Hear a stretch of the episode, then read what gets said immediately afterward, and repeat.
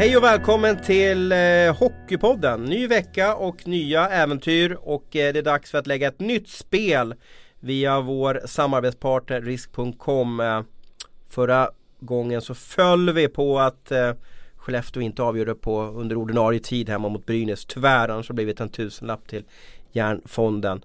Eh, vad har du på gång idag Tellan? Ja men jag tänkte att vi skulle få upp oddsen lite grann också så vi tänkte Jag tänkte att vi kör Luleå-Linköping en etta Sen kör vi Växjö-Färjestad ett kryss Det känns som ett toppmöte där som säkert kommer avslutas med, med straffar Och sen då Skellefteå-Örebro där Örebro är ganska heta och Skellefteå inte Men jag skulle vilja ha en etta där på Skellefteå på hemmaplan Grymt! Hur, hur säker på en skala 1 till 10 känner du? Jag är alltid säker Perfekt. 10 och en halva Perfekt. Nu kör vi! Bumper. Ja Abris, du är med oss eh, på länk via Gävle. Hur mycket snö har kommit där uppe? Vi har nog fått ett par dess i alla fall snudd på. Så det var ju trevligt att få det här. Har du varit och skottat eller har, har du, använder du en, någon typ av eh, Dalafrakt eller Maserfrakt som kommer och, och rensar snön utanför din, ditt mansion? Nej, jag är så trött på snön nu så jag trampar ner den bara. Kör med bilen fram och tillbaka.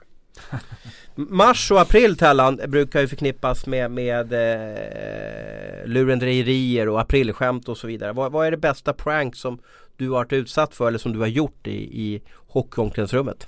Oj, eh, nej jag hörde en ganska kul grej här om veckan faktiskt att eh, det var en spelare som eh, hade haft det lite trevligt kan man väl säga hemma och då dök det upp lite Vad heter det? När man eh, lägger in i väggarna för att få bort ljudet Uh, isolering? Isolering, det hade stått tio isoleringsbalar utanför hans, uh, utanför hans dörr en dag. Så att uh, det var någon som var ganska less på att det hördes ganska mycket från hans lägenhet. Var, Ja det var en lägenhet också alltså mm. eller? Så var det en granne som hade ställt upp det på. Sjukt kul. Precis, det var en liten bra signal att nu Ja nu, nu får du lugna ner dig lite grann inne. Jag kommer tänka på en grej jag tänkte bjuda på den här och det, det här är så många år, vi säger att det är 20 år sedan eller upp mot 20 år sedan eh, så hade vi tråkigt på redaktionen. Eller inte jag, det vill säga några kompisar hade tråkigt på redaktionen. Så att eh, de här kompisarna, observera kompisar, inte jag, valde att ringa och pranka hockeyspelare. De gjorde det här klassiska telefontricket när man vänder två telefoner mot varandra. Så att det låter som att de som, de som man ringer upp på varsin telefon pratar med varandra. Mm. Och bland annat så ringde de upp Stefan Hellqvist och Stefan Myran Gustafsson. Och det samtalet eh, blev riktigt kul för då tror ju de att någon av dem har ringt till varandra och, och, och sen blir det ett ganska roligt samtal. Det här är preskriberat och det här var ingenting som sagt det var inte jag som gjorde sånt här utan det var några kompisar. Var du med på den tiden Abris? Nej, det var lite seriösare när jag kom in där så att du höll vi inte på med sånt där. Nej, jag var inte med på den tiden faktiskt. Men det, det låter lite som såhär Hassan-gänget Det var lite, jag tror, jag tror att vi fick äh, influenser från, från Hassan-gänget och det finns också någon YouTube-kanal som även har gjort det här med att när man snurrar telefoner.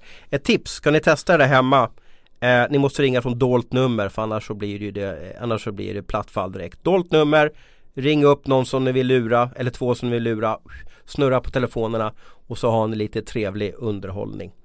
Vi eh, ska inte bara prata prank i det här programmet utan vi ska även prata hockey, givetvis. Och vi inleder att prata med eh, en målvakt. Vem då Tellan?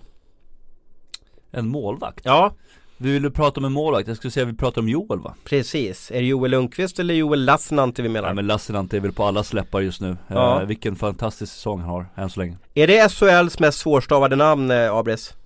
Nej, men jag har aldrig haft något större problem med det. Det är två S och två T liksom. Man kör på det bara så, så funkar det rätt bra. Så att, nej, jag, jag kom snabbt in i, i det namnet. Det finns ju andra namn som man aldrig lär sig att stava till typ. Men eh, Lasse Nanti har jag kläm på faktiskt. Men, men, men kopierar du namnet från eh, Svea Hockey eller skriver du rakt av utan att behöva titta? Nej, jag skriver rakt av utan att titta nu. Det är ju bara två S och två T så går det ju inte att missa. Nej. Abbott hade jag problem med förut men det är två B och två T. Ja. Eh, och så vad hette den duktiga Bisset var samma sak också, två S och två T. Ja. Man var tvungen att och, och, och köra där. Men, men Lassinantti, jag måste nog dubbelkolla innan jag skriver rakt av. Tellan, varför är hans statistik så fantastisk 2019? Och vad gör att, att just nu så håller han på och, och total dominerar där ute? Grejen är ju med, med, med Joel är att han har inför den här säsongen så hade han väl två säsonger med okej okay statistik men var väl lite ifrågasatt. Så det var väl därför Luleå värvade Rubin också för att se liksom om, om han kunde ta upp kampen med med Joel. Och jag tycker att Joel har verkligen steppat upp här och liksom är, måste vara på gränsen till landslaget snart Om inte han är med nästa gång. Eh, I alla fall de här matcherna innan, innan VM eh, Men det jag märker i Joels spel är ju att han är mer rörlig än vad han varit tidigare. Han läser spelet på ett annat sätt Han får med sig armarna Förut var det mycket bara åka runt och blocka På knäna och sådana grejer Utan men nu är det mer att han gör räddningar Jag såg matchen mot Djurgården senast Han gör två, tre riktigt bra räddningar där han liksom känsla att han inte ger upp på pucken liksom och får använda, får använda kroppen på ett helt annat sätt. Så att, eh, äh, det är kul att se hans, hans utveckling i år. Totalt dominans skulle jag säga just nu. Abris, vad säger du om eh, vår vän Joel? Jag tycker han har varit bra under många år. Tre, fyra år sedan jag tyckte han var riktigt bra och eh, sen har han haft lite tuffare eh, men samtidigt haft bra, bra statistik i 5 mot 5. Det är väl Luleås boxplay som har varit lite sämre under ett par år där som, som gjorde att hans siffror också sjönk och var väl kanske inte riktigt lika bra som sitt genombrottsår där. Men, eh, nej, men det är en målvakt jag gillar. Eh, för det första en otroligt sympatisk person men det, det, det räcker ju inte. Men, men eh, jag, jag, är ingen expert på målvakter men jag, jag, känner mig alltid lugn när han står. Jag tycker han läser spelet väldigt bra och jag tycker det är väldigt lite eh, spektakulära grejer utan han gör, han gör alltid det som behövs och sen tycker jag att han har väldigt få matcher där han, där han faller igenom och fallerar. Så att det, det, det är väl min, min syn på honom. Man ska ju inte ta bort det här heller, det här med att man är sympatisk och, och såna grejer också. För jag tror att det är ganska viktigt för, för medspelarna också att de gör det här lilla extra, och blockar lite extra skott. Det kan man se i vissa lag nu i SHL där målvakterna kanske är lite under kritik eller går ut och säger massa saker i tidningar och sådana grejer. Så de, man märker att de gör inte det här lilla extra för sin målvakt. Man ser liksom snacket också under matcherna också. Man ser att de kommer fram och pratar. Hur vill du ha det? Och, och sådana dialogen man kan se också. Det blir, en, det blir en värme mellan försvararna och målvakten också som, som jag märker här att de verkligen ser upp till honom och och respekterar honom också som människa, inte bara som hockeymålvakt. Men det hänger jag inte riktigt med på för jag menar jag har träffat de, de flesta målvakter som jag har träffat är ganska man kallar det för egna. Mm. Ganska tjurskalliga och, och arga av sig.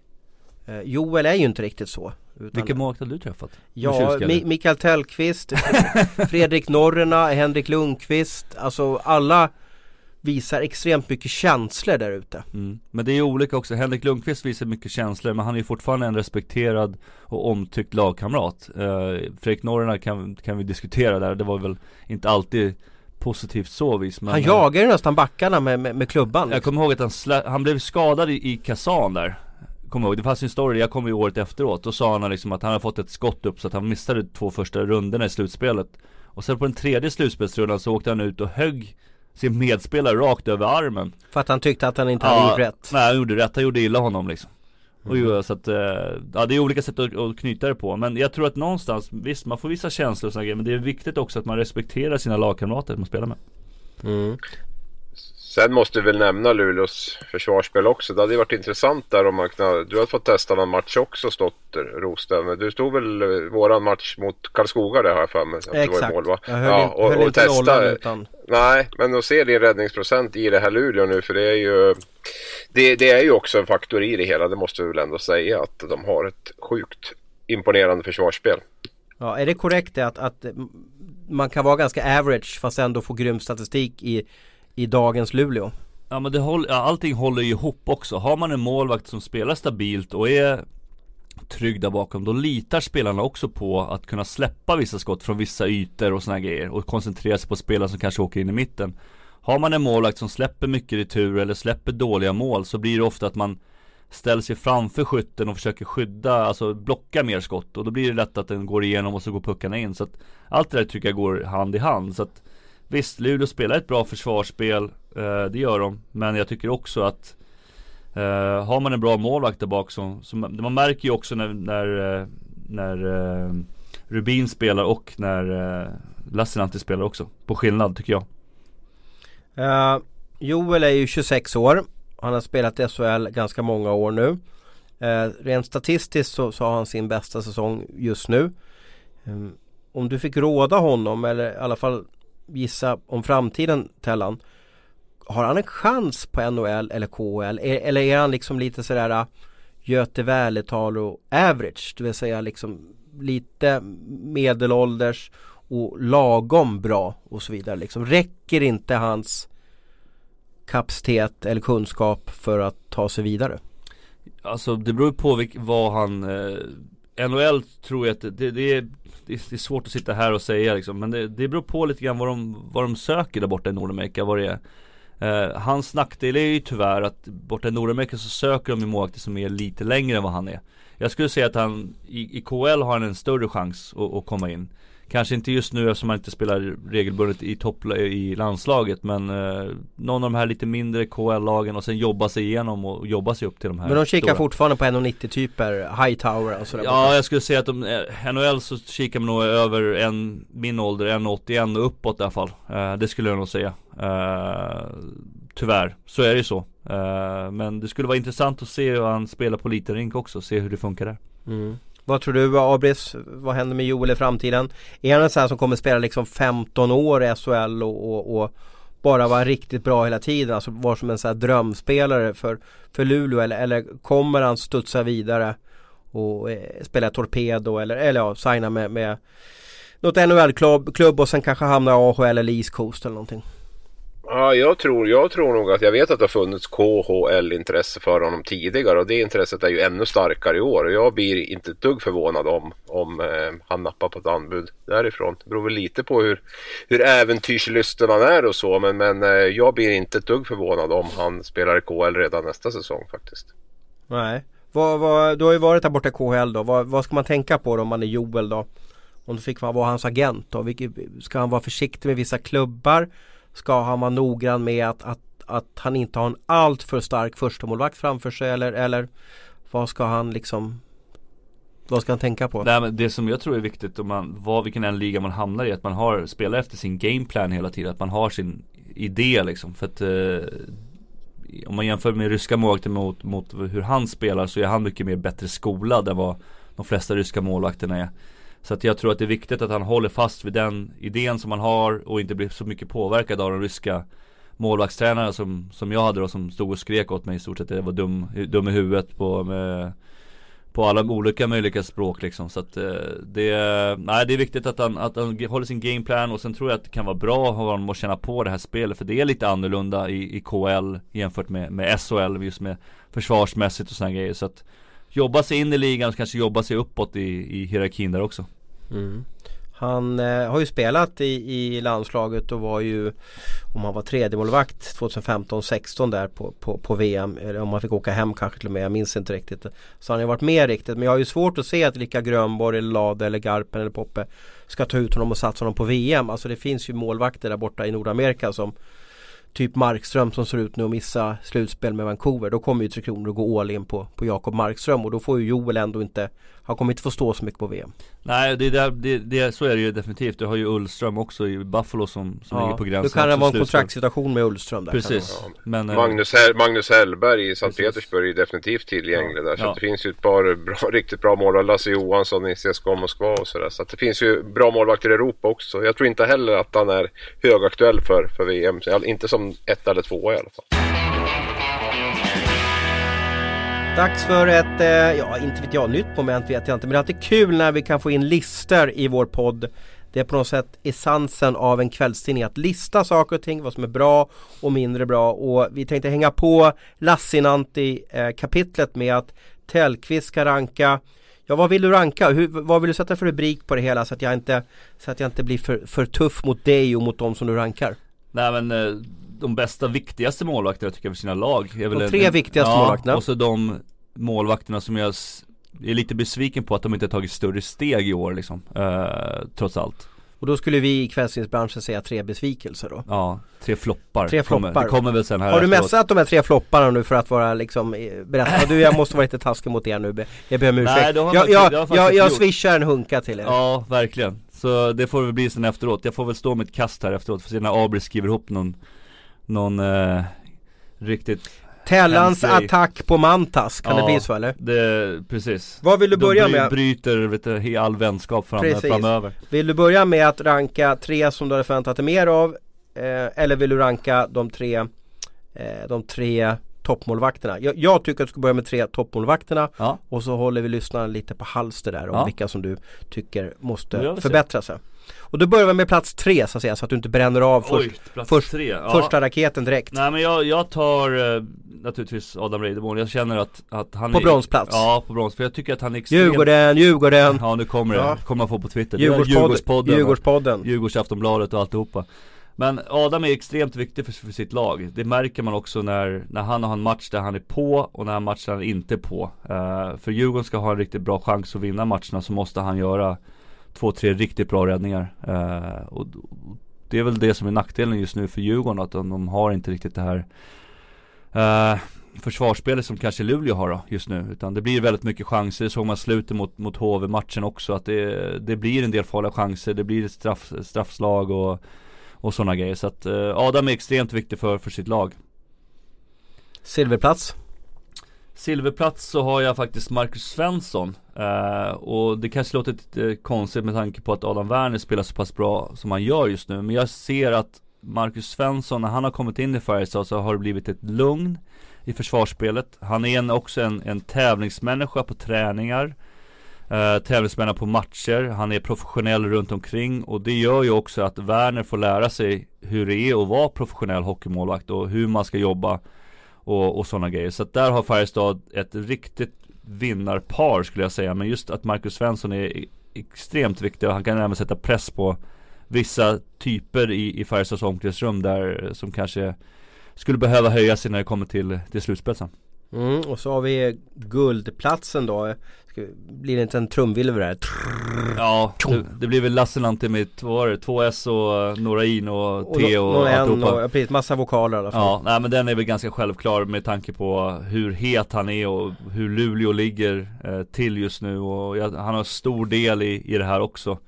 Eh, återigen kopplingen till matchen senast eh, på Hovet. Eh, extremt viktiga räddningar i, viktiga du, lägen av matcherna. Det är där jag tror också att han har höjt sin nivå. Att han eh, gör de här räddningarna kanske i första perioden när Lugo ligger på. Han gör en viktig räddning i tredje perioden när han ligger på magen och, och sprattlar och sådana grejer. Så att, eh, och i slutet av andra perioden gör en plockhandsräddning. Så att eh, grattis Joel Lassinantti.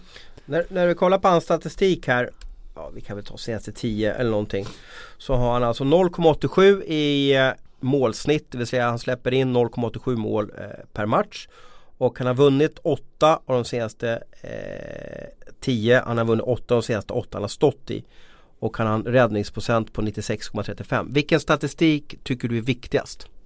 Vinster. Vinster Så sa alltid Stefan Liv också Mm. Vinster, vinster, Det vinster går ändå ut på att vinna den här sporten och det kan bero på massor med olika saker. Vi ska försöka gå bort från det här. Jag vet att alltid utespelare gnäller alltid på att de fattas assist, assist och sådana grejer men det är ofta det fattas skott också i vissa arenor också. Mm. Man tappar man 3-4 skott varje match så blir det väldigt mycket för räddningsprocenten så att eh, Ja Så det, det kommer jag ihåg att man gnällde själv om när man, man spelade på Hovet och andra arenor där man inte fick mycket skott Eh, att man inte alltid fick upp det för det men det är ofta där man som målvakten skriver sina kontrakt via liksom mm. Räddningsprocent och såna grejer så att stämmer inte den så Så blir det ofta fel. Panten har jag förstått att de, de där vinner bortalaget skotten med, med jättemycket. I Skellefteå var det alltid att, där får man alltid massor med skott också. Det Hemmalaget vinner, det var alltid 45 skott där uppe, fan de trycker på den här knappen som gudans moster liksom. Men, men egentligen så borde ju sportcheferna dra ner där för jag menar bra räddningsprocent är ju, då ökar Det ju är bara Corsin, det är viktigt med Corsin nu. Ja. Corsin Det är så kanske. Får jag lägga till ett namn där också? Jag går emot Tellan lite på topp tre där faktiskt. Ja, nej, jag skulle vilja lyfta fram Oskar Alsenfelt faktiskt som jag tycker har varit ruskigt bra i Malmö där. Och tittar man på hans räddningsprocent i spel 5 mot 5. Malmö har ju som du vet Ros haft ett katastrofalt dåligt boxplay. Vilket, eh, vilket drar ner hans eh, siffror ner, lite grann då från, från räddningsprocent. Men tittar man i spel 5 mot 5 så har ju Alsenfelt varit snudd på magiskt. Jag tror han ligger- 93,5 procent har han i, i, i spel 5 mot 5 och jag tycker att han eh, Jag tycker han har räddat Malmö många matcher måste jag säga. Så att jag skulle vilja in han på topp tre där. Men det är kul att vi tycker olika. Ja men det måste vi göra. Det är det, och, det, och där har ju Malmö ett gäng målvakter nu med, med Volden också som har varit i Panter som varit uppe någon gång och spelar bra också. Eh, kan de hålla sig hela liksom? Och Nilstorp också. Och Nilstorp också. Men kan de hålla sig hela liksom? Det är väl det som är i, i grejen i Malmö. Mm. Och så kommer vi till en lista som, som eh, Abris troligtvis kommer att göra en liten text på då. Tre, Ja. tre målvakter som, som behöver, eller har förbättringspotential. Det låter snällt och bra. Ja, nej, och då men, börjar vi samma sak där, att vi börjar med bronsplatsen så vi inte bränner av första raketen direkt. Ja, nej men jag är ju bra kompis med, med Mantas och jag tycker att han har höjt sig lite grann på slutet. Men han har haft en ganska tuff säsong faktiskt i, i Skellefteå. Och, och, och det är, man hör lite gnäll uppifrån, uppifrån norr där att eh, det är lite tufft på, på målvaktssidan. Både han och, och, Gustav. Eh, så att de, de behöver höja sig definitivt, de två. De har ju haft en, Skellefteå har ju haft en, en hel säsong med, med lite knepigheter och Mm. konstiga trender och vann väl mot Malmö med, var det 9-1 eller vad det var för något så att säga. Precis. Och så kan de torska ma- massa matcher och de var ju ett tag var de nära att missa slutspel. Så det, Skellefteå är de här lagen som man bara kan sätta ett stort frågetecken. Var Ja, var, står ju- när de? du ändå är in, inne på Skellefteå, jag satt och kollade deras PDO då, eh, räddningsprocent plus eh, måleffektivitet efter, sluts, eller efter landslagsuppehållet här och den är så 93, det är den överlägset sämsta i, i hela SHL. Ändå har man plockat 11 poäng. Och vad innebär det då om du utvecklar det för en fyraåring? Ja, men alltså man har ju, en- man har ju en målprocent på 5 ungefär. Man, alltså 5 procent av alla skott man skjuter blir det mål på. Man har en räddningsprocent på 88 ungefär. Va? Och det förstår ju alla att de här två sakerna är, ihop blir en väldigt låg siffra och, och var för sig är de också extremt dåliga. De, de skapar ändå en hel del Skellefteå så det, det blir intressant om de får ordning på det här. Jag vet, Gustav Lindvall har väl varit borta länge nu också så Mantas har väl fått stått mest hela tiden. Och, och sen när man kan få ordning på målskyttet så, så känns det ju som att Skellefteå har hängt med väldigt bra efter landslagsuppehållet med tanke på, på ja, den statistik man har. Och får man snurr på det här så kan det bli riktigt bra. Men det innebär att de skjuter mycket men puckarna inte går in och vill säga och, och blir det Ja, och släpper in, släpper in väldigt mycket Ja, också. och blir det Alltså, lite de- ketchup-effekt att ketchupflaskan går i topp så, så kan det ju hända grejer där uppe. Normalt sett, normalt sett ska det ligga strax över 100 va? De ligger nere på 93 nu så att de har ju en enorm förbättringspotential där va? Och vi vet ju att de har ju relativt bra målskyttar där och man har ju normalt sett ett målvaktspar som jag tror till och med jag lyfter fram inför säsongen som, som, som bra. Så att det, de borde kunna få lite bättre ordning på det där. Mm. Ja men det, jag håller helt med dig. Kan, kan de bli heta nu inför slutspel så tror jag Skellefteå kan vara ett lag som kan vara med och, och hota hela vägen fram. Jag vet ju inte... Ja, Nej, kör du August. Ja, kör nej August. kör. Nej, men ja, nej, jag, vet ju inte hur, jag vet ju inte hur långt Skellefteå kommer att räcka riktigt men det känns ändå som att de gör rätt mycket bra saker fast inte riktigt får utdelning på det. Så ska jag säga. Plats två. Ja, jag, jag ska vara lite, li, lite så halvhård här då, men kom ihåg i, i våras här när, när, när det blev snacket, eller i höstas var det, när Viktor och Viktor var snacket. Eh, vad kommer hända här liksom? Vem kommer stå? Och där har ju faktiskt Viktor Fast verkligen tagit bollen och, och sprungit iväg med den långt bort från, från Viktor Andrén som trots allt spelade SM-finalerna och, och gjorde så att Växjö vann och var extremt het i, i de matcherna. Men tycker jag inte har tagit den platsen som jag hade hoppats på att han skulle göra i den här säsongen. Att utmana fasten ännu mer än vad jag gjort. Så att det, det är en liten besvikelse för, mig faktiskt att, att Viktor inte har tagit den Viktor Andrén. Viktor Andrén precis har tagit den, eh, den rollen. Är han inne i det som kallas för sophomore slump?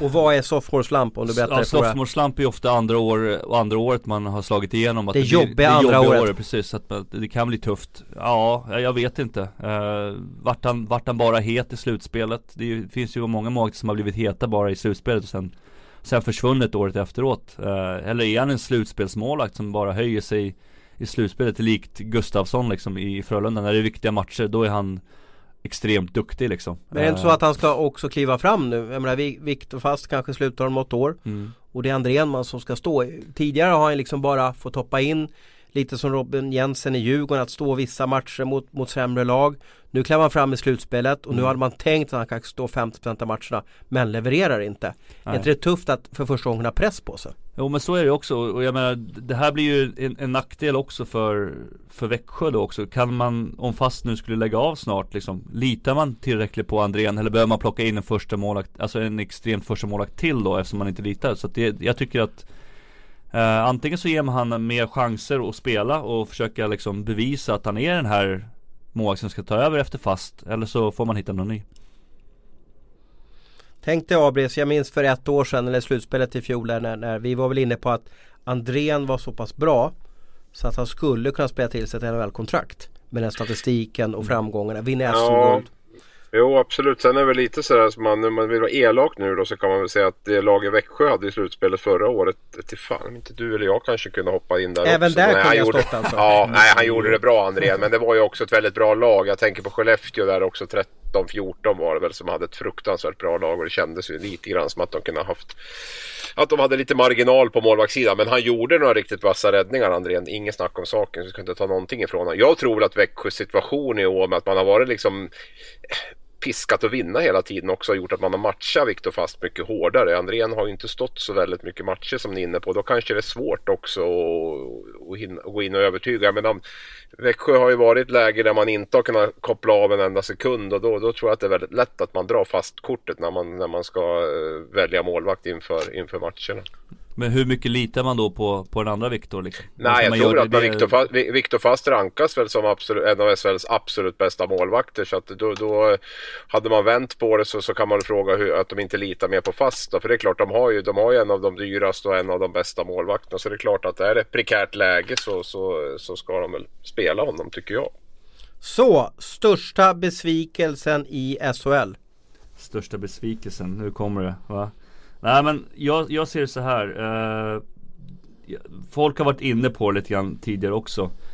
Eh, Niklas Svedberg sista tiden här eh, Behöver verkligen höja sig själv eh, För att kunna hålla Timrå kvar i SHL eh, Hans fokus tycker jag har skiftat helt ifrån att rädda puckar till att göra massa andra konstiga saker faktiskt eh, Runt om. Han är, han är helt levrad, visst han är det men han måste kunna hålla koll på sig själv. Jag menar Sista tio matcherna Uh, om man går in och kollar på hans räddningsprocent Det är under 87 liksom. Uh, Det är Visst det kan vara långt ifrån liksom eh, Det kan vara deras spel och alltihopa men han måste höja sig. Han måste rädda sitt Timrå liksom. Så att jag tycker att Än så länge eh, så känns det inte riktigt tryggt Nu har ju Brattström till och med kommit in och spelat riktigt bra på slutet här också eh, Och höjt sig något enormt när han fått chanser att spela mera så att Eh, kanske inte ens är säkert att de går med, med Svedberg först. Nu tror jag att de kommer göra det på grund av hans rutin också. Eh, men eh, ja, det är lite besvikelse faktiskt så här långt. Kan det vara en omvänd där du var inne på Lassinantti att spelarna verkligen gillar honom och gör allt för att det ska gå bra för honom? Kan du se någon motsatt, eh, motsatt scenario i Timrå där då? Ja, alltså det kan ju, det kan ju bli så att man orkar inte med liksom att, att det ska skrivas om någonting hela tiden och sådana grejer. Att man blir liksom ett Att det blir förlöjligande om man säger så då. Uh, att nu kommer de på och så ska han på domarna eller säga någonting hela tiden. Det, det kan ta energi från spelarna också. Definitivt. Och det uttalanden han gjorde till exempel mot Alsen och, och sådana här grejer. Så att uh, det kan definitivt ta energi. Är det inte fruktansvärt jobbigt för Svedberg att behöva rädda? Varje kväll så vet han om att han måste stå på huvudet för att det här laget som kanske om vi, ska, om vi bortser från de sex första omgångarna när Timrå vann tre matcher Om vi tar de sista 41 matcherna eller 40 matcherna Så är ju faktiskt Timrå ett av de sämsta lagen som har spelat i SHL De är ju sämre än första året som Karlskrona var upp i, i SHL här för fyra år sedan Med tanke på att de har vunnit så lite de sista 40 matcherna Är det så lätt för Svedberg att prestera, att, att gå in och spela i sånt här När du var i Riga där, var inte de ganska dåliga då eller? Jo, men så var det ju. Men samtidigt, jag var ju, när jag kom hem till, till Djurgården så var det ju likadant där också. Vi hade ju ett lag som var under som var ett allsvenskt lag egentligen också. Nu när man går tillbaka och tittar på, på, på det laget så, så kan man ju hitta liksom namn som har blivit bra spelare. Ja. Jag tänker på Sörensen som nu spelar i, i NHL liksom och, och med Thornton och dem liksom. Men Ljung i första center i HV Precis, och du har Högström och, och här grejer. Men de killarna var ju liksom allsvenska spelare när, när jag kom tillbaka. Och Timrå har ju ett allsvenskt lag också Precis. Och- Men är det jag menar, han måste ju rädda 40 skott varje kväll För att laget ska vinna Ja det, är- det är hans jobb och det, det kanske han borde ha vetat om när han, när han signade med, med Timrå också Att det här är hans uppgift också. Eh, Att hålla kvar laget i, i eh, SHL Då kan jag också tycka att man behöver kanske inte lägga så mycket energi på, på massa olika saker. Mm, Men det är väl hans personlighet, är det inte det eller?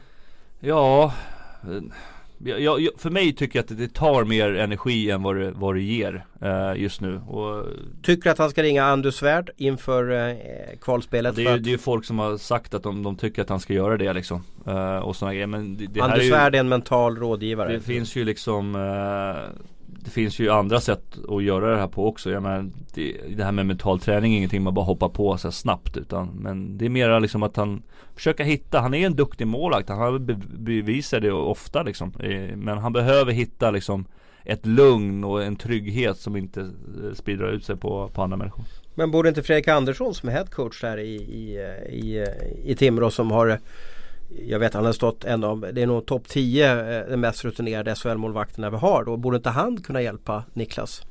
Ja, han är ju ganska lugn men han har väl ganska mycket annat att göra också. Han har väl, måste ju styra upp Timrås eh, försvarsspel och anfallsspel och, och gudars moster så att de är, de är beredda för det här kvalet som kommer komma dem och troligtvis AIK där AIK spelar mer offensivt eh, Timrå har fått den senaste tiden bara spela defensivt och då ska då helt plötsligt Timrå slå om och spela offensivt försöka leda matcherna kommer bli, kommer bli ganska tufft mm. Du har ju Peter Hirsch som är målvaktstränare också ja, Absolut eh, Jag vet ju om att Timrå eh, var lite intresserad att värva en målvakt inför transfer deadline men kände också hmm, Hur blir det om vi trycker in typ Anders Lindbäck till det här laget mm. Då kommer ju Svedberg ta väskan och dra mm. Ja. Man, man, eh, man, man, måste ju väga fördelar och nackdelar i det. Mm. Ja men så är det också. Eh, men, jag menar, du känner ju också han säkert Abris lite grann från, från Brynäs-tiden också. Så att du vet ju vilken typ av karaktär han är också.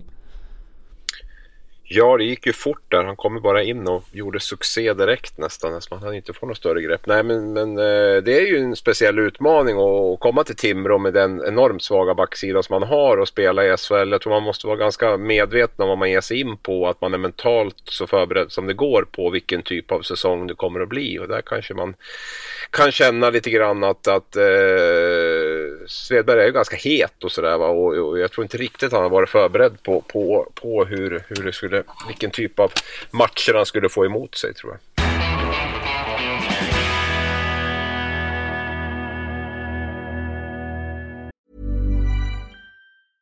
Cool fact a crocodile can't stick out its tongue. Also, you can get health insurance for a month or just under a year in some states. United Healthcare short term insurance plans, underwritten by Golden Rule Insurance Company, offer flexible, budget friendly coverage for you. Learn more at uh1.com.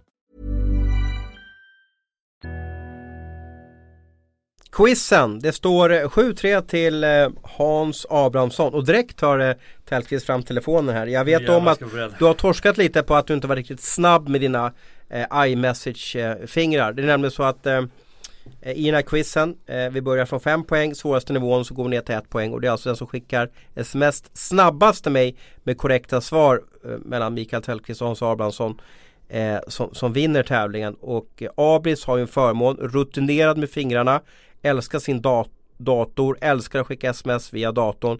Du är ju blixtsnabb Abris på att skicka iMessage via, via, via meddelande på din Mac.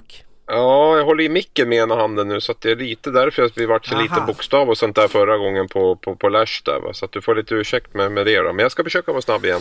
Det står alltså 7-3 till Hans Abrahamsson och jag vill nog påstå med tanke på att vi är inne i mars att Tellan måste vinna idag. Det är samma press på Niklas Svedberg i kvalet som det är på Mikael Tellqvist just nu i vår quiztävling. För att torskar du idag Tellan, då vill nog påstå att då är det godnatt. Är det först en tio eller vad är det? Ja, jag vet inte. Eller så kanske vi kommer komma in på lite senare att alla får vara med. Men alla får inte vara med just nu utan, utan det här är bara en vinnare ska utses. Eh, vill ni att jag ska börja med fem poäng? Eh, ja tack. Fem poäng. Eh, första husdjuret var en cocker spaniel som hette Jocke. När jag pratade med henne igår och frågade hur, hur, hur kan du gå med på att, att den här cocker ska heta Jocke, det är ju inget hundnamn. Då berättade hen att ja, det var stora syrrorna som bestämde. Eh, och 2012, fortfarande på 5 poäng, så var han den äldsta spelaren i NHL. Tystnad. Hur ska jag tolka den pojkar? Du ser, ja. man, kan, man kan höra en, en, en nål falla i poddrummet just nu. Jag går över på fyra poäng för jag, jag märker att det snurrar. Eh, ja. jag ser att det är djupa fåror i Tellqvists panna här. Mm. Jag kan inte. Fyra poäng. Är stor supporter till IK Brage och är född 1970.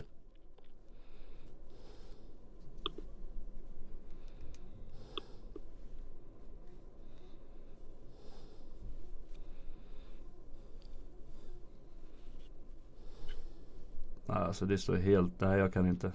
Kan du? Det är ju en av dina polare Tellan för fan. Jag har svaret. Vi har fått ett svar från eh, Hans Abrahamsson på fyra poängsnivån. Fan, Eh. det är fel. Jag lägger inga värderingar just nu i det. Men eh, eh, eh, det var väldigt... Han är eh, det- inte född 1970. Ja, men, du vet ju om att det du hör hör ju Tellan nu så att jag, jag vet Ja, inte. jag vet, men jag säger ju inget ändå. Nej. Men då kan vi gå vidare på tre poängsnivån Ja, gör det, gör det. Du var het där Abris. Du var, gjorde en Svedberg. Fan, det var Ja, ju tvungen tre poäng. Ja. Jag åkte mycket tåg när jag var, när jag var liten och så åkte till Dalarna. Och då eh, så var det en station som hette Krylbo. Och då var det alltid nästa Krylbo sa de och det är så här härligt barndomsminne jag har. För Krylbo är så här en liten tågstation och Krylbo finns inte som, sam, som samhälle längre men det här beskriver på något sätt den här spelaren som vi söker, nästa Krylbo. Alltså det står helt stilla. Men jag, jag avvaktar eftersom Ja du kan ju ta en ja, kopp Java och bara liksom gå ner till enpoängsnivån här. Ja, Mm. jag ska vara 100% säker. Nu, nu, hur, ska du helgardera nu Abris eller? Nej, men jag är ju fel redan. Så det, men jag skickar ju rätt du- svar nu då i alla fall. Ja precis, men det är alltså bara om vi ska, Men jag, jag är förty- borta. om vi ska Jag är förtydliga reglerna så är det alltså ett svar per, per Ja, spelare. ja. Nej, jag är borta. Mm. Men, vad fan, ja. Eh, tvåpoängsnivån är en av våra största hockeyspelare genom tiderna. Utsedd till NHLs bästa back sju gånger och vann Stanley Cup smått fantastiska fyra gånger. Jag hade det på känn på trean också men Hade jag vågade inte riktigt chansa. Nej, du kunde ju ha tagit det på enpoängsnivån så att säga. Ja, men nu... Men vi, ska, vi har ju eh, lyssnare som, som eh, vill vara med och de kanske inte fattar här. Vi har fått två, två svar från våra medtävlande för övrigt så att de behöver inte röra sin telefon eller, eller iMessage, iMessage något mer. En, enpoängsnivån kallas för Perfect Human eller kort och gott LIDAS. Och vi fick på fyrpoängsnivån tror jag var från Hans Abrahamsson. Du svarade Johan Hedberg. Eh, hur tänkte du där Abris? Nå, men alltså jag tänkte väl Brage, Leksand där och sen att han var gammal när han spelade i NHL och sen ja, och så vart det väl ännu mer förstärkt av att det var liksom en polare till Tellan då. Så att, eh, men jag vet ju att Hedberg Är du polare med 73 Hedberg? har jag för mig va? Ja men målvaktspolare, du vet Ja, de ja, ja, att- fistbump, Ja, ja och så att eh, nej och sen vet jag att han är född 73 har jag för mig Hedberg så jag kom på det efter att skicka svaret. Men så är det ibland. Är man Mm. fet så går man fel ibland. Precis, precis. Men... eh, Ja, sen man- vart det enkelt med Skogsbo, Krylbo och allt det där på trean då vet du med, med, med Lidas. Jag visste inte att Lidström höll på Brage. Det var det som skapade hjärnspöken hos mig. Ja, jag pratade med han igår och det är helt rätt. Niklas Lidström är rätt svar. Vi fick rätt svar på vi ska säga tvåpoängsnivån där. Ja, Eh, ja jag så. hade på känn på, på Krylbo där också. Eh, men eh, Det är ju hans avvaktade. moderort då så att Precis. liksom då. Eh, och sen så, ja sju gånger utsedd till eh, NHLs bästa spelare. Det är ju helt Ja. otroligt alltså. mm. Ja det Vad, eh, du spelade med Lidas. Yes. Eh, vad, vad kännetecknar honom omklädningsrummet? Jag spelade faktiskt med Lidas förra året också i en sån här välgörenhetsmatch så han såg exakt likadan ut. Nu I kroppen, det, eller? Ja, exakt Ja. likadan i kroppen. Sättet han spelade på. Varje hårstrå perfekt så här liksom. Blicken upp när han hade pucken, det var ju liksom hans styrka också. Han behövde ju inte titta på pucken. Han kände att han hade pucken på bladet liksom. Och, Men du var i omklädningsrummet då? Var han tyst eller? Ja, men han, var, han var tyst. Han ledde lead by example som de sa eh, där borta liksom. Utan han, eh, han gjorde det han skulle och var också väldigt bra när det gällde liksom. Han Mm. klev fram. Men just det här majestätiska när han åker med pucken framåt liksom och, och behöver inte ens titta på pucken utan han liksom hittar spelare liksom. Och så Mm. grejer. Det var väl Bra att skydda puck också, längs sargerna liksom sådär. De Ja. kommer ju inte åt honom liksom. Nej, eh, extremt skicklig. Extremt skicklig. Det går väl inte att ta ifrån honom. Om du ska ranka han då Abris eh, bland våra stora. Hur högt upp tar honom? Eh, ja, jag tar givet att ta en topp 5 i alla fall då. Men om du ska ranka honom bland våra stora hockeyspelare. Ja, så meritmässigt och spelmässigt så är ju nummer ett som jag ser det. Sen finns det ju andra aspekter i det med Börje Salming och Peter Forsberg och sådana saker. Mats Sundin ska vi nämna också. Ja, Mats Sundin naturligtvis. Men, men, men eh, alltså, tittar man på, på det han har uträttat så, så är ju ingen, ingen i närheten när det gäller meriter överhuvudtaget. Så att, eh, jag, jag, jag måste ju säga att han är den största. Sen, sen, vet, sen, sen gillar man ju de här karaktärerna som Börje Salming och, och Peter Forsberg och så. Men, men eh, rent eh, Ja, alltså rent merit och, och, och poängmässigt och allt vad han har gjort och istidsmässigt och allting så, så är han nummer ett för mig. Och det jag fascineras över, vi pratade ju att Joel Lassinantti var ödmjuk. Det här är också en ödmjuk kille, så in i Norden. Ja, jag vet inte hur många gånger jag intervjuat honom eller, eller gjort TV, radio eller, eller vad det kan vara med honom. Och, och den på något sätt alltid ställer upp Alltid kommer i tid, alltid reko. Han frågar Ska jag ta med mig Stanley Cup-ringarna? Ja visst. Och sen kommer han hit med Stanley Cup-ringarna och det visar sig att han har åkt i ett bankfack Hämta ut dem och, och ta med sig och, och ja du vet mm. liksom så här hundraprocentigt korrekt och trevlig hela tiden. Mm. Nej, han är ett föredöme på många sätt. I helgen hade vi förmånen att läsa Hans Abrahamssons krönika i, i Sportbladet. Och eh, eh jag kallas ju för rosenrasande i sociala medier, idiotiskt namn för övrigt som jag tog för många år sedan som jag gärna skulle döpa om mig. Men det var nämligen så att jag hade ett kapitel i ett tv-program som hette Rosenrasande för tio år sedan. Och, och, ja, då tog jag det på något sätt för att det skulle vara lite kul. Men jag tycker att det... Det var, det var ju helt underbart. Kan vi försöka hitta de gamla klipp på det? Jag kommer ihåg det fortfarande. Du spelade in det hemma i villan i Huddinge? Ja, och... precis. Eller på redaktionen var det i alla fall. Någonstans var det. Och jag var arg på någonting hittade jag. Ja. ja lite lite som Svullos arga polisen där var det liksom. Så här. Men, men ja, jag vet inte, rosenrasande. Jag är ju inte, ni känner ju mig, jag är ju inte rosenrasande. Men i helgen var du rosenrasande. Och vad, vad var du förbannad på Abris? Nej, men jag är arg var, varje, varje år den här tiden. Jag har ju, jag har ju klagat på det här i fyra, fem år känns det som. Men, men det, det, blir ju aldrig någon skillnad så då får jag väl fortsätta vara arg. Nej men jag tycker det är helt fel med det här med tio lag till slutspel. Och jag tycker det visar sig varje år att det, liksom, det, är, det handlar inte om att, att, vinna mest utan om att förlora minst liksom, för att ta sig till slutspel. Jag menar Linköping och, och Brynäs med sina formkurvor 2019. Det är, så att de är med och ligger i förarsätet dessutom för den sista slutspelsplatsen tycker jag säger det mesta faktiskt. Jag, jag, det får liksom inte förvandlas till något jippo där, där, där så många som möjligt ska vara med. Liksom. Det, det, det är det jag känner lite grann. Det är där vi, där vi hamnar någonstans. Tellan, inspel? Mitt inspel är väl att jag är blandad i det här. Alltså ska man ha 14 lag så tror jag att man behöver ha den här i, alltså åttondelsfinalen. Går man ner till 12 så kan man nog ta bort det här igen. Eh, att det blir 8 som går vidare. Eh, är det så här många som är med i ligan så tror jag att man måste ha någon typ av eh, åttondelsfinal som de kallar det nu.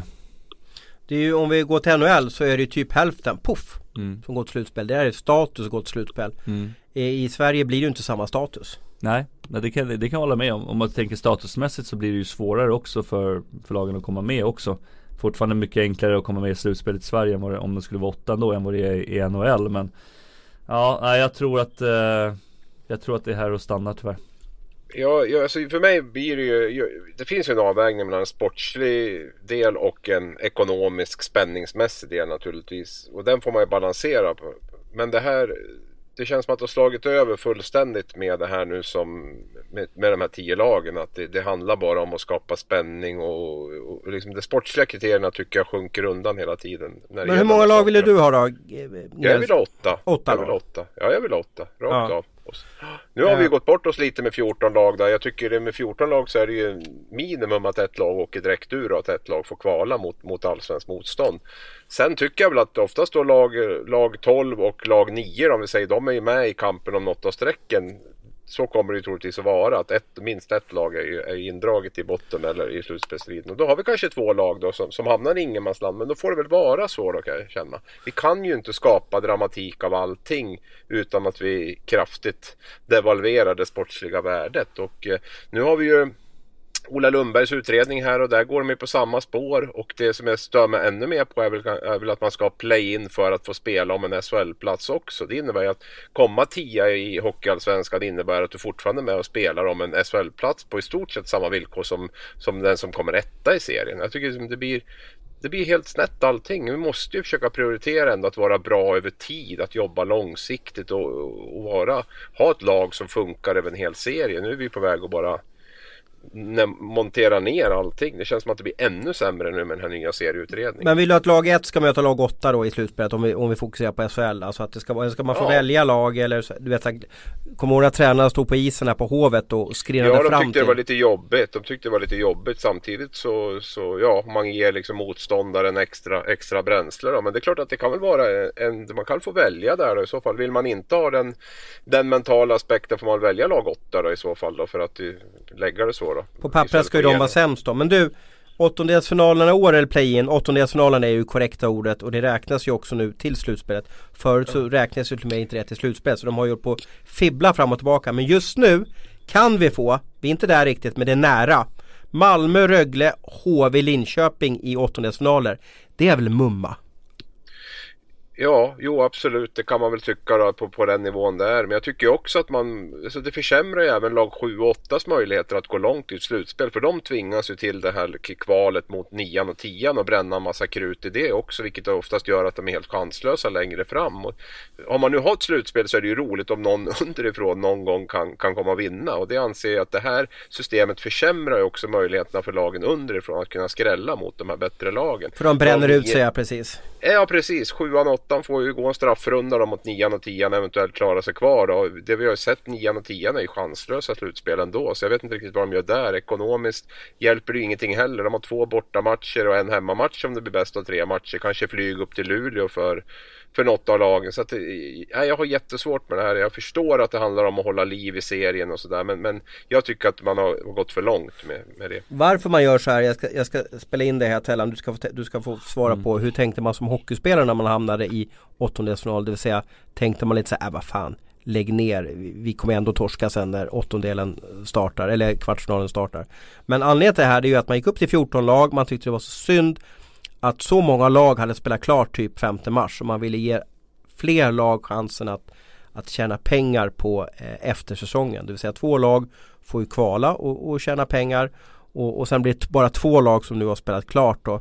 Eh, tidigare om man, om man kör åttondelsfinaler rakt av så är det fyra lag som hamnar i ingenmansland och inte har några intäkter från tredje mars till till första maj när eh, hockeysäsongen typ är, är över. Men hur känner man som spelare då? När man, du var med i Djurgården något år där när ni skulle mm. spela åttondelsfinal och liksom känns jaha, ska vi vara pansarmat här och stångas lite och sen så eventuellt ska vi få chansen i ett slutspel då? För oss var det första året så var det ju eh, definitivt att bara hålla sig kvar i, i, i SHL. Det var bonus att Det var bonus alltihopa. Men sen är ju vi, jag vet inte om vi hockeyspelare är så här korkade så vi tror ju alltid att vi har en chans att vinna oavsett okay. liksom. Vi präntas har... in av självförtroende. Ja, det är något sånt här att man alltid tror att man ska vinna. Uh, vad det än kan vara. Uh, det, det som jag tror kan bli lite nackdelen om man går ner tillbaka till åtta lag är ju liksom det här som, som det kan bli i NHL. Att man börjar sälja av spelare. Om man ligger så pass För många lag i ett ingenmansland. Ja, att jag menar om det är som det är nu med, med Timrå avhängda, Moro i och för sig inte avhängda än Men lite grann så kanske det blir så att spelarna, bör, eller föreningen börjar säga Ja men vi kan sälja våra dyraste spelare till KL eller vad som helst. Och då blir det ett medelmåttigt lag. Då tror jag att publiken skulle ledsna ännu mera liksom. Uh, så, så funkar det ju i Nordamerika när man märker att man inte kan komma till playoffs. Då börjar man ju sälja av spelare. Så jag tror att mm. Det är väl en av nackdelarna som kanske skulle kunna hamna här i Sverige också om det blir något liknande. Mm. tar, man bort, tar man bort play-in och så, då kan man ju skjuta på slutspel ytterligare en vecka och det innebär att serien kan sluta en vecka tidigare eller en vecka senare och då, då är 15 februari, det ska mycket till om något lag då har eh, vet redan vilken placering de hamnar på om det är kört med, med för då, då kan det ju vara drygt en månad, fem veckor kvar till av serien då i så fall. Så att mm. eh, det tror jag skulle vara ett sätt att kom, komma runt det i så fall, att ingen, ingen vågar göra det. Abis vill ha åtta lag. Hur många lag vill du ha slutspel?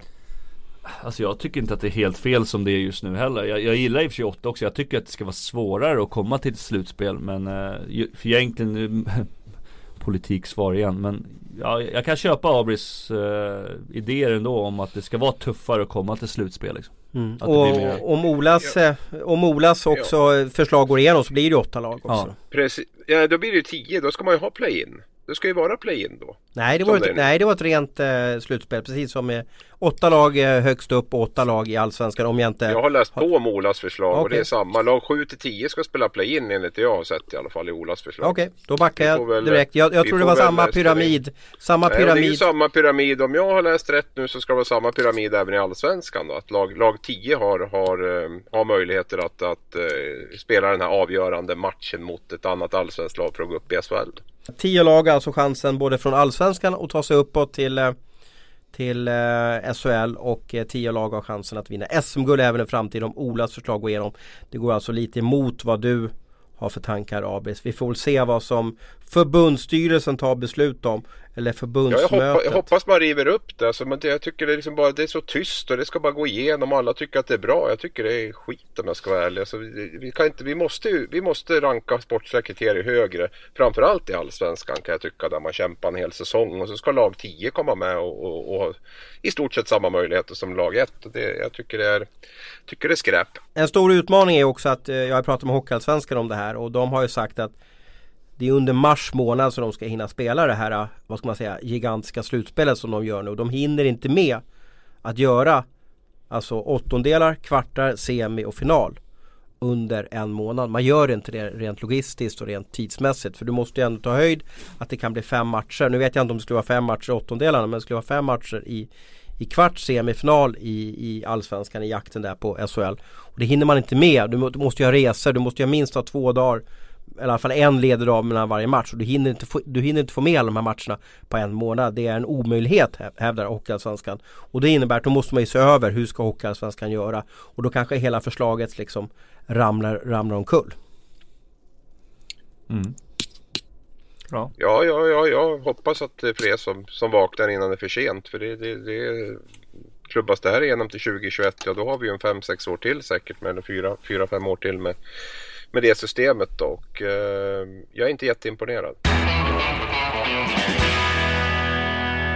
Riksidrottsnämnden har blivit ett lika eh, användbart ord senaste tiden som offside och icing och, och, och, och eh, slashing och så vidare. Och Riksidrottsnämnden har alltså gått in och ändrat beslut som disciplinnämnden har tagit senaste tiden och det här är ganska ovanligt Eh, kan du utveckla lite mer Abris, du har satt in i frågan. Vad, vad är Riksidrottsnämnden för övrigt? Vad, vad, vad är det för, för gruppering ute i idrottssamhället? Under Riksidrottsförbundet. Va? Nu är jag ju ute på, på väldigt djupt vatten när jag ska gå in på det där. Men det jag vet är att det är i alla fall en instans då som, man, som, man, som är den högsta instansen som det går att överklaga till om man tycker, känner sig orättvist behandlad i, i disciplinnämnden då som, som eh, har varit hockeyns eh, beslutande organ när det gäller avstängningar. Och sånt. Om, om vi ska jämföra med rättssamhället så är det alltså högsta domstolen. Det vill säga liksom man, om man tycker att det här blir felaktigt behandlat så har man en sista livlina att dra. Och nu senaste tiden har alltså då eh, domar för eller bestraffningar på Ritola, Mattias Ritola, Leksand och Fanny Rask HV71 har, har ändrats. Eh, och då har alltså då eh, Riksidrottsnämnden gått emot eh, vad disciplinnämnden har sagt och de har alltså lindrat straffen för Mattias Ritola och för Fanny Rask och även eh, eventuellt kan lindra straffet för Sandström i Almtuna som fick 11 matcher och det innebär att han kan vara med och spela en kvalserie framöver. Eh, det här är många irriterade på varför de här, att Adrin då som Riksidrottsnämnden förkortas med Varför de kan gå in och avgöra ett slutspel då. Vad, va, vad säger du om det här Abris? Ja, det, det, kan man ju, det kan man ju hålla med om. Sen eh, är det väl kanske en svaghet att det inte finns någon, någon annan typ av överklagande instans inom, inom hockeyn då, utan att det ska behöva gå till RIN. Jag, jag tycker ju att, eh, att eh, den nämnd som vi har i disciplinnämnden ändå besitter en större kompetens än, eh, än vad kanske RIN gör då. Om man tittar på tingsrätt hovrätt så är ju ändå så är det ju ändå nivåskillnad i, i kunnande upp, den, upp till hovrätten. Jag är inte lika säker på att, på att RIN har riktigt den kunskapen att, att bedöma de här situationerna på ett mer korrekt sätt än vad disciplinnämnden gör. Så att, eh, jag är lite tudelad i det där men det vi, det vi kan vara överens om är väl att det inte blir något no, no bra av det här när man får överklaga till höger och vänster som det har varit lite nu efter, efter jul här i första hand. Va? Så, så att, eh, och det tror jag väl också att det var något typ av statement från RIN här nu när man ganska snabbt beslutade att Anton Karlssons eh, avstängning på fem matcher då inte skulle att de inte skulle ta upp den helt enkelt utan Linköping fick besked om att eh, den var avslagen deras inlämnande. Här. Vad säger du som från spelarperspektiv? Eh, eh, det här med RIN och disciplinnämnden och eh, blir man snurrar bara i huvudet? Nej men alltså vad jag förstår så, så har ju liksom klubbdirektörerna och klubbcheferna träffats under, under Beijer och pratat om det här liksom. Att, att man skulle låta disciplinen ta besluten och så helt plötsligt så blir det så här för att folk blir desperata, de vill få tillbaka sina spelare in. Så att jag tycker att det borde finnas någon typ av gentleman agreement i det här också liksom. Att man ska använda disciplinnämnden. För att ofta så gör det ett helt okej okay jobb också. Och man ska inte gå över deras beslut. Uh, så att och det, som skiljer, det, det, det, som skiljer också det är ju att eh, i disciplinnämnden så sitter ju Hockeyfamiljen Precis. sitter i disciplinnämnden. Hockeyfamiljen sitter inte i Riksidrottsnämnden. Det vill säga utbildade hockeymänniskor sitter i disciplinnämnden och kanske kan på ett väldigt bra sätt avgöra crosschecking och icke crosschecking. Mm. Ja, men jag tycker att, att, att de gör ett helt okej jobb och som du säger så sitter ju hockeymänniskor där och och de är mer än kapabla att ta beslut liksom. Ofta så blir det ju ofta rätt och, och visst det blir alltid så när man När ens egen spelare blir dömd så tycker man ju alltid att det är lite hårdare än, än alla andras liksom eh, Bedömningar så att Jag tycker att vi ska låta det vara som, som det är nu och låta dem sköta sitt jobb och inte gå över deras huvuden och ta massa andra beslut Det man funderar på är lite om det skulle kunna finnas någon, någon typ av för de flesta fall så kan man ju överklaga beslut. Ibland kan man ju tycka att det har blivit fel. Ritola har varit väl eh, bevisligen fel. Det tror jag de flesta är överens om. Anton Karlsson Men varför då? Varför vart det fel med Ritola? Det, för, det förstår ja, inte men det jag. var väl, ett, var väl ett för strängt straff om man tittar på de situationerna som man var inblandad i, tycker jag i alla fall. Då, som, och det, det sa ju även Rin, va? man plockar ju bort en, en bötesmatch och en, och en vanlig match. Va? Vart. Mm. Det var en Så hög att, eh, klubba och en crosschecking om man minns rätt. Ja, den var ju, det var ett tufft straff tyckte jag om jag ska vara helt ärlig på den. Sen Anton Karlsson, jag tittar på till exempel då Peter Anderssons crosschecking på Jesper Bokvist. Jag tittar på Jakob Blomqvist crosschecking på en Timråback, kommer jag inte ihåg namnet på han. Och det, och det är ju inte så himla mycket som skiljer. De får 3 plus 1 då och Anton Karlsson får 5 plus 2. Så det, det är klart. Men samtidigt det kommer det aldrig vara helt rättvist och det måste man köpa, köpa också från, från från lag och, och klubbar. Så, va? så att, eh, men, men ja, möjligtvis då, om det fanns att det, det gick att överklaga. Man tycker disciplinnämnden har tagit fel beslut. Man säger liksom, ja men här, titta på det här igen. Har ni verkligen gjort rätt här? Tycker ni att... Det har ju Bristedts filmning också va, som, som, eh, som inte var någon filmning där i, i höstas. Va? Så att, det, att de bara har ensamrätt på alla beslut och kan bestämma det, det kanske inte är helt lyckat heller. Ja, Kan men det här bli en eh, sjätte utespelare i, i slutspelet? Det vill säga att folk börjar dra rinnkortet.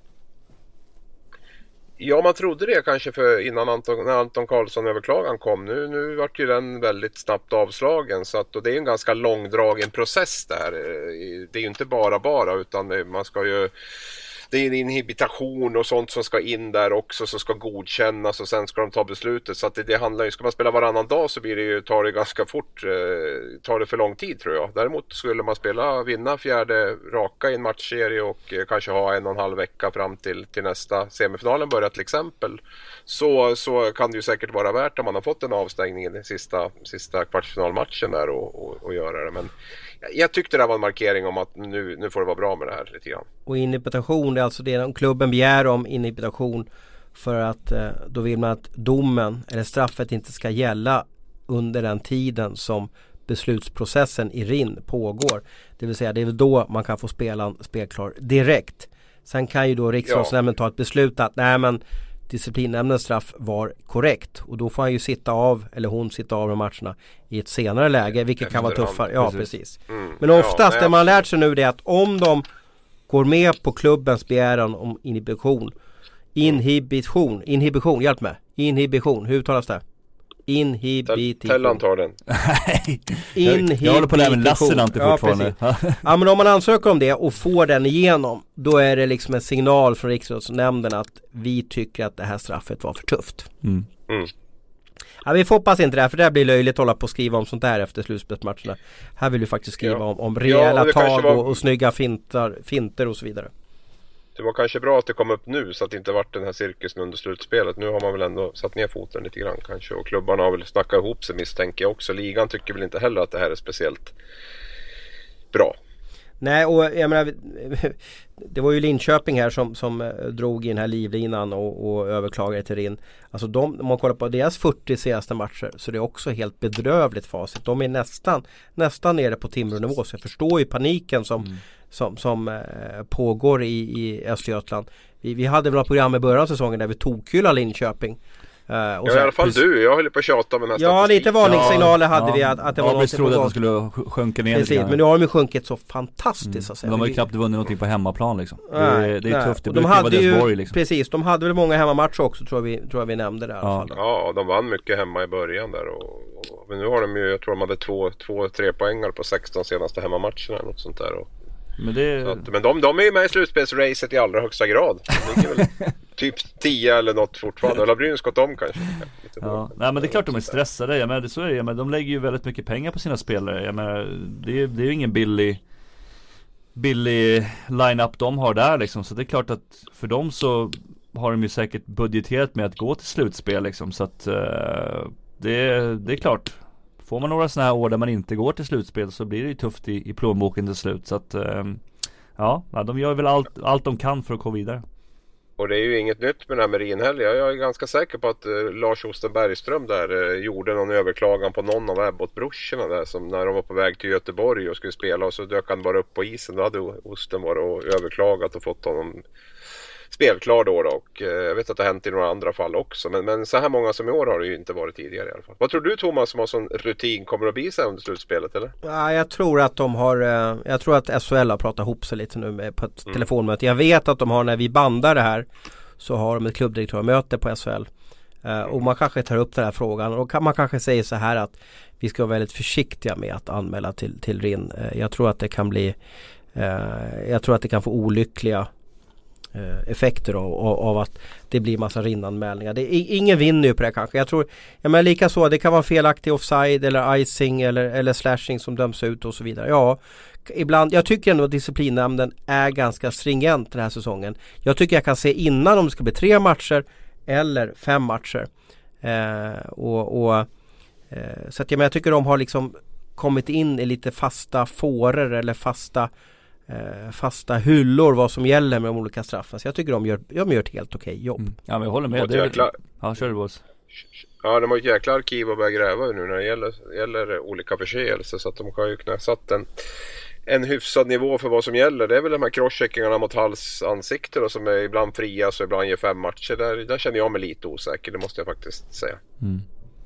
Nej jag tycker också att de, att rent generellt så gör de faktiskt ett väldigt bra jobb. Uh, det är som, som du nämnde tidigare, det är någon filmning eller kanske Ritolas straff då som kanske är lite tufft men samtidigt det, ibland så blir det fel. Det måste vi liksom, det är det vi har tjatat om med domarna också att vi måste låta alla göra fel på, på ett eller annat sätt.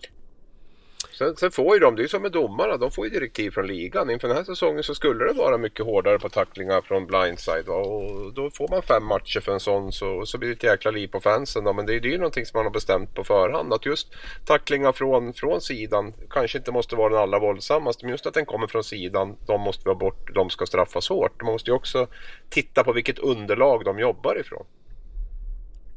Ja, vi har passerat en timme och eh... Trångsund-mannen har säkert sprungit sin mil nu i, i Central Park. Nej vad är han? Vad heter stora parken i New York? Ah, är det Central Park? Central Park, Central Park ja. ja. Hyde Park i London, Central Park. Så han har sprungit en mil där och mår gött där borta i, i, i Nordamerika. Uh, vi tackar Abris och Telland för att ni kunde vara med idag och vi tackar alla våra lyssnare. Och vi hoppas, nu ber vi till ljudguden. Hur, hur ska en bön till ljudguden vara Tellan? Snälla, snälla, ljudguden. Snälla, ja, låt snälla. oss höra oss nu och inget susning och inget brus eller vad som helst. Precis, eh, snälla ljudguden, se till att det här blev bra ljud. Eh, tack för att ni var med oss och eh, jättekul att ni lyssnar på oss vecka ut och vecka in.